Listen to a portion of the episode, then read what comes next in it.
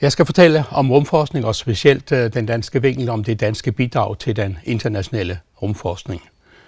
Og når man siger ordet rumforskning, så tror jeg mange tænker på lange missioner i rum og tid i science fiction-genren med man man sige, alternative maskiner, alternative naturlov og den slags ting der. Men øh, virkeligheden er i virkeligheden lige så fantastisk som det, vi siger i uh, science fiction. Vi ser nye opdagelser, hver gang vi sender en ny satellit i rummet, som forandrer vores verdensbillede. Og det, jeg skal starte med at sige lidt om i dag, det er jo det fundamentale spørgsmål, som vi i øjeblikket er optaget af inden for rumforskning. Fordi måske kan vi bidrage til at forklare eller forstå universets dannelse og dets udvikling, og måske også dets fremtid. Det er jo et fundamentalt spørgsmål, som har optaget menneskeheden til alle tider. Vi kan jo se det i religionen. Vi kan jo se, at verdens skabelse er noget af det fundamentale, som går igen i mange af religionerne. Og religionerne de har forsøgt at svare på det, ikke ud fra viden, men ud fra tro. Naturvidenskaben har jo en anden måde at gå på til problemet på. Øh, naturvidenskaben baserer sig på observationer og efterprøvning af teorier ved hjælp af observationer og eksperimenter. Man kan sige, at øh, den danske astronom Tycho Brahe var måske naturvidenskabens fader i den forstand. Han lavede jo nogle meget nøjagtige observationer af, af himlen og stjernerne, og øh, de observationer blev bagefter brugt til at bevise, at den gældende opfattelse af øh, jorden som verdens centrum dengang, den var forkert. Han lavede sine observationer, meget nøjagtige observationer uden kikkert, efter man opfandt kikkerten og brugte den, så fandt man jo ud af, at ikke engang solen var verdens centrum, men at solsystemet bare var en lille del af vores univers. Men hvordan kan vi bruge observationer til at fortælle os noget om den tid, øh, hvor universet blev født? Øh, den herskende teori er jo, at det skete for ca. 13,8 milliarder år siden, og øh, det skete ved, at der var en stor eksplosion af energi i et enkelt punkt, øh, hvorefter det hele udvidede sig, og det hele kølede af. Og øh, det, man kan regne ud ud fra den teori, det er jo, at efter 380.000 år, så var øh, afkølingen nået så langt ned, så man kunne begynde at danne det, vi kalder øh, neutrale atomer. Øh, og de første atomer, det var selvfølgelig det simple brintatom, som består af en en proton, en positivt ladet proton og en negativt ladet elektron, som støder sammen og dermed danner et neutralt atom, netop brintatomet. Så det øh, var en, en ting, som øh, på det tidspunkt skete der også det, at øh, i stedet for at være uigennemsigtig, så blev universet gennemtrængeligt for lys. Og efter de 380.000 år, så kom det første lys ud af den suppe, den suppe, som øh, universet bestod af indtil da. Og hvis man på en eller anden måde kunne se det lys i dag, så ville man jo få et billede af, hvordan universet så ud meget kort tid efter, at øh, det var født. Og øh, det man kan øh, kigge på, og det var der nogen, der øh, satte sig for at regne på, det var, jamen det lys der, hvordan vil det se ud i dag? Og det man kigger på, det er jo så eftergløden af det allerførste lys i universet.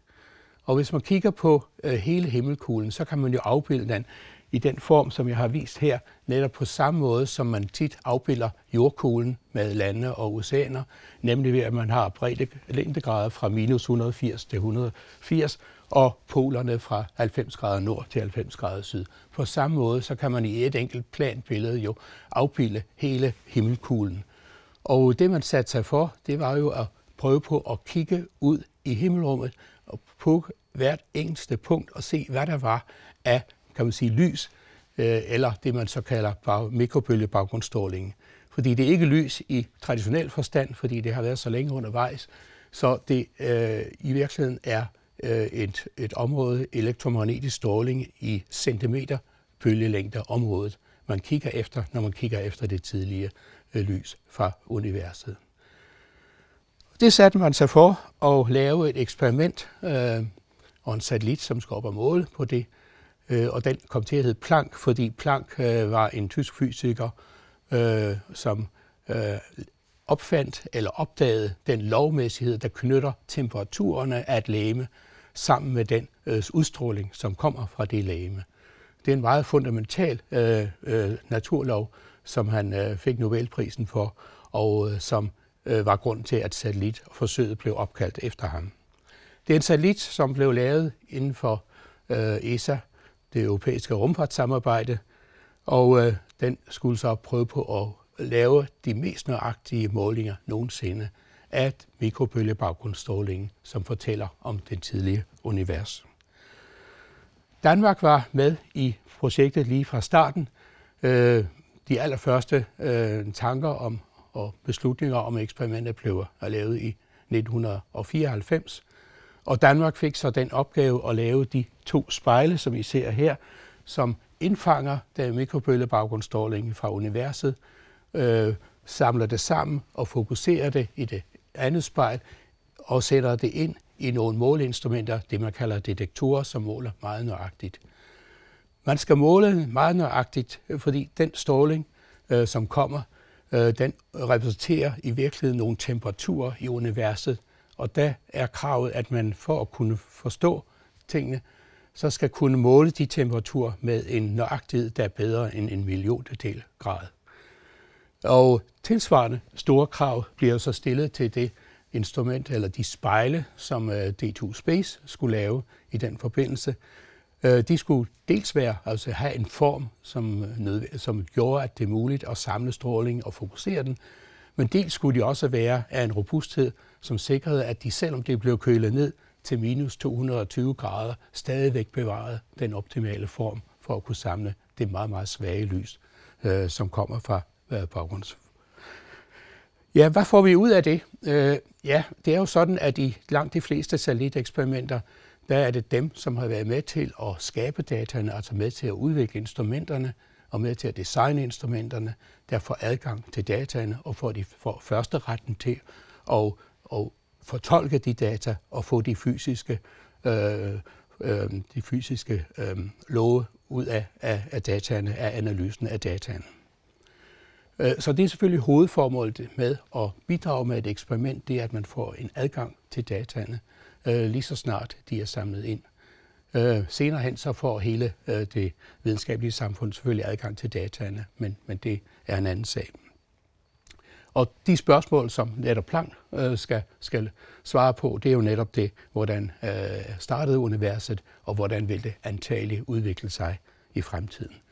Selvfølgelig er der nogle, også nogle sidegevinster, når man får sådan en stor udfordring, øh, så er der jo nogle teknologiske øh, ting, nogle teknologiske ting, man lærer i den proces der, og man øh, kan også forbedre sin øh, videnskabelige kompetence ved at være med i det, i det designteam, i det internationale samarbejde, som er så kendetegnende for, for rumforordningen. Måske er det på sin plads lige at sige lidt om øh, øh, vores institut. Øh, det hedder Institut for Rumforskning og Teknologi, på Danmarks Tekniske Universitet. Det er øh, Danmarks største rumforskningsorganisation og stammer i og for sig de første øh, elementer af det blev lavet allerede i 60'erne, da vi meldte os ind i det europæiske rumfartssamarbejde ESA, som dengang hed ESRO, European Space Research Organization. Øh, men det består af, af flere øh, sideløbende eller parallelle udviklinger, der var nogen øh, af vores øh, nuværende stab, som startede inden for jordobservation, remote sensing, og andre startede inden for geodesien. Men nu blev det efter øh, fusionen med, med, mellem Danmarks Rumcenter og DTU et, et, et nyt institut på Danmarks Tekniske Universitet. Vi er i øjeblikket omkring 130 ansatte, hvor er halvdelen er forskere. Vores hovedsamarbejdspartner er naturligvis øh, ESA, ESA, det europæiske rumfartssamarbejde, består af 18 medlemslande, øh, og øh, de arbejder så sammen om at skabe man sige, en pendant til NASA, altså lave de mest ambitiøse satellitmissioner inden for videnskab, men også inden for jordobservation og andre områder, øh, rumstationen, øh, som øh, de enkelte lande ikke selv kan øh, øh, bære. Vi arbejder også i DTU Space sammen med NASA og også det tilsvarende japanske rumagentur JAXA. Øhm, fordi vi har nogle kompetencer, som er efterspurgte også uden for ESA-arbejdet. Og de forskningsområder, som vi beskæftiger os med, det er jo dels først at kigge ud af, som Planck satellitten er et eksempel på, men der er også andre ting. Vi har også satellitter derude, som kigger med røntgens øh, apparatur på de sorte huller for eksempel, som står meget tætte områder i universet, som sluger alt lys til sig. Men en anden ting, øh, som er lige så vigtigt, det er jo så at bruge satellitter i rummet og instrumenter i rummet til at kigge ned på jordoverfladen, øh, dels på atmosfæren, dels på landskabet, dels på vegetationen og den slags ting der. Det er jo den mest oplagte måde at kigge på jorden som system på og sikre, at den stadigvæk er bæredygtig og også være til hjælp, når der opstår katastrofer. Men man kan også bruge øh, det at kigge udefra med satellitter, ikke bare til at kigge på overfladen af jorden, men man kan også bruge det, de instrumenter til at kigge ind i jorden. For eksempel kan man måle tyngdefeltet meget nøjagtigt øh, ude fra, fra satellitterne. Øh, og en anden ting, man kan måle, det er jordens magnetfelt. Og øh, det var faktisk det øh, emne, øh, som var øh, formålet med den allerførste danske satellit, øh, den der hedder Ørsted-satellitten, som blev opsendt i 1999. Den har kortlagt siden øh, jordens magnetfelt mere nøjagtigt end nogen anden øh, mission før den. Og øh, den har skabt et kæmpemæssigt videnskabeligt udbytte om, hvad det er for nogle processer, der foregår inde i jordens indre flydende kerne.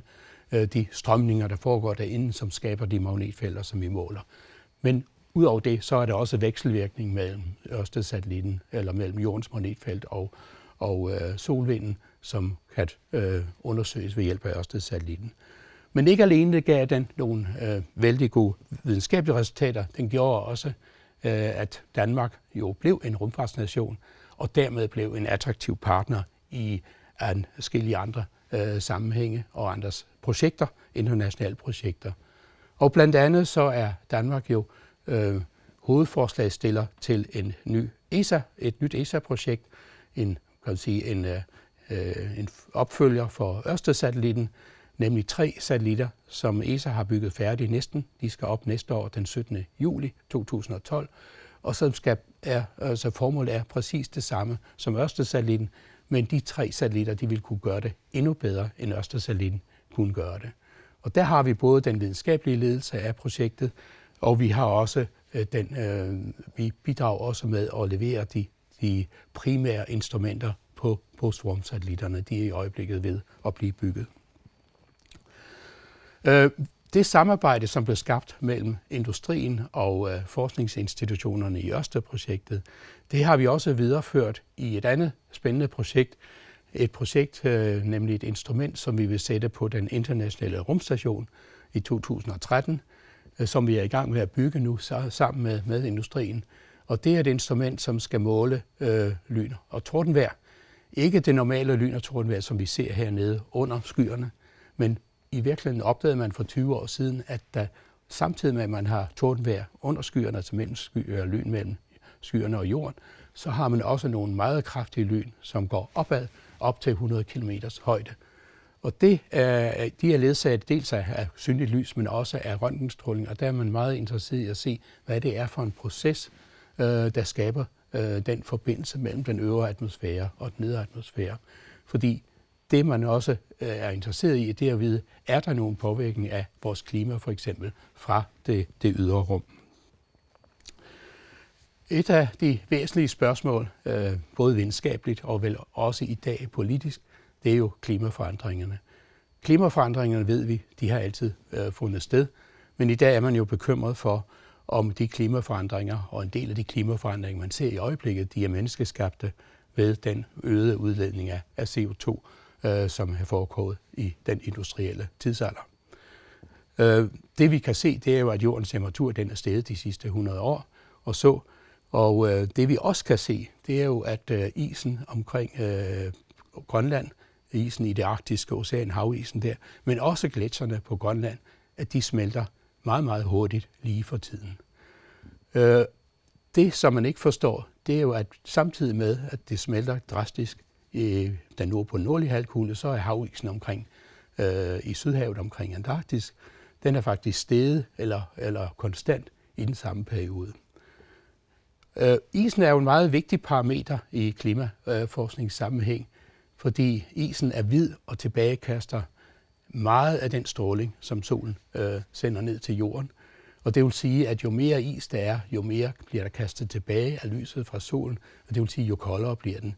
Og omvendt, når isen smelter, så bliver der flere om, eller færre områder med is, der tilbagekaster lys fra solen, og derfor bliver det varmere. Så derfor er man meget interesseret i at forstå den der proces. Men det kræver igen, at man laver nogle meget nøjagtige målinger fra satellitterne. Vi laver flymålinger, og der kan man se nogle små områder ad gangen, men for at få et globalt billede af, hvad der er, der sker, så er man nødt til at gå ud i rummet og lave nogle målinger af isen, og det gør man ved hjælp af radarmålinger fra den Kryosat, øh, som satellitten hedder, som blev sendt op sidste år, også i en, en ESA-satellit. Og det, som øh, Danmark gør i den forbindelse, der bidrager vi ikke med instrumenterne, men der bidrager vi med vores erfaring, med, øh, som vi har gennem lang tid, at lave flymålinger af isen af samme type. Men det, der er vigtigt, øh, når man sætter en satellit op, det er jo at vide, jamen det som instrumenterne måling at måler, er det så et udtryk for øh, den rigtige is? Og, og, og det øh, vil, man, vil man verificere ved at lave nogle, øh, nogle øh, regionale målinger med fly, og så kan man sammenligne målingerne i, fra satellitten med målingerne fra fly, og der på en måde kalibrere satellittens instrumenter. Nu øh, bliver man jo tit spurgt, i hvert fald i min position, det er, jamen er rumforskning ikke for dyrt for et lille land som Danmark? Øh, skulle vi ikke hellere bruge øh, de penge til at forbedre vores velfærd, vores skoler, vores hospitaler osv.? Og, og til det der er svaret, at der er ikke nogen konflikt mellem at investere meget i rumforskning og rumfart og at øge vores velfærd. Tværtimod er det to sider af samme sag. Øh, der blev lavet en undersøgelse fra, øh, fra Videnskabsministeriet for nogle år siden, som kiggede på, hvor meget fik øh, Danmark ud af de øh, penge, man brugte på, på rumfart og rumforskning i, i, i Danmark. Og der viser sig, at for hver krone, man investerede i rumfarten, der fik man 4 eller 5 kroner igen til landet. Og det er jo klart, at det, det er jo et udtryk for, at øh, den fremtidige infrastruktur, som vi alle sammen er afhængige af, den, den ligger i rummet. Øh, vi kan se det på de meteorologiske satellitter, som giver vores øh, vejrudsigter. Vi kan se det på øh, GPS-satellitterne, som, giver vores, øh, øh, som hjælper os i at navigere. Og vi kan se det på vores kommunikationssatellitter, som giver os billeddækning fra hele verden i løbet af meget kort tid. Og hele den infrastruktur er selvfølgelig optimal, øh, når man bruger space, i forhold til, at man skulle gøre det via øh, landbaserede instrumenter. Så derfor øh, de fremstormende lande, rumfartsnationer som Kina og Indien, de har jo øh, til fulde indset, at for at, ligesom, at øge velfærdet for deres befolkninger, så er de nødt til at investere meget i, i rummet og anvendelserne i rummet. Så det at anvende rummet, det er ikke alene et spørgsmål om at tilfredsstille sin nysgerrighed, sin videnskabelige nysgerrighed om de fundamentale spørgsmål, men det er også direkte en investering i fremtidens øh, videnssamfund. Tak skal I have.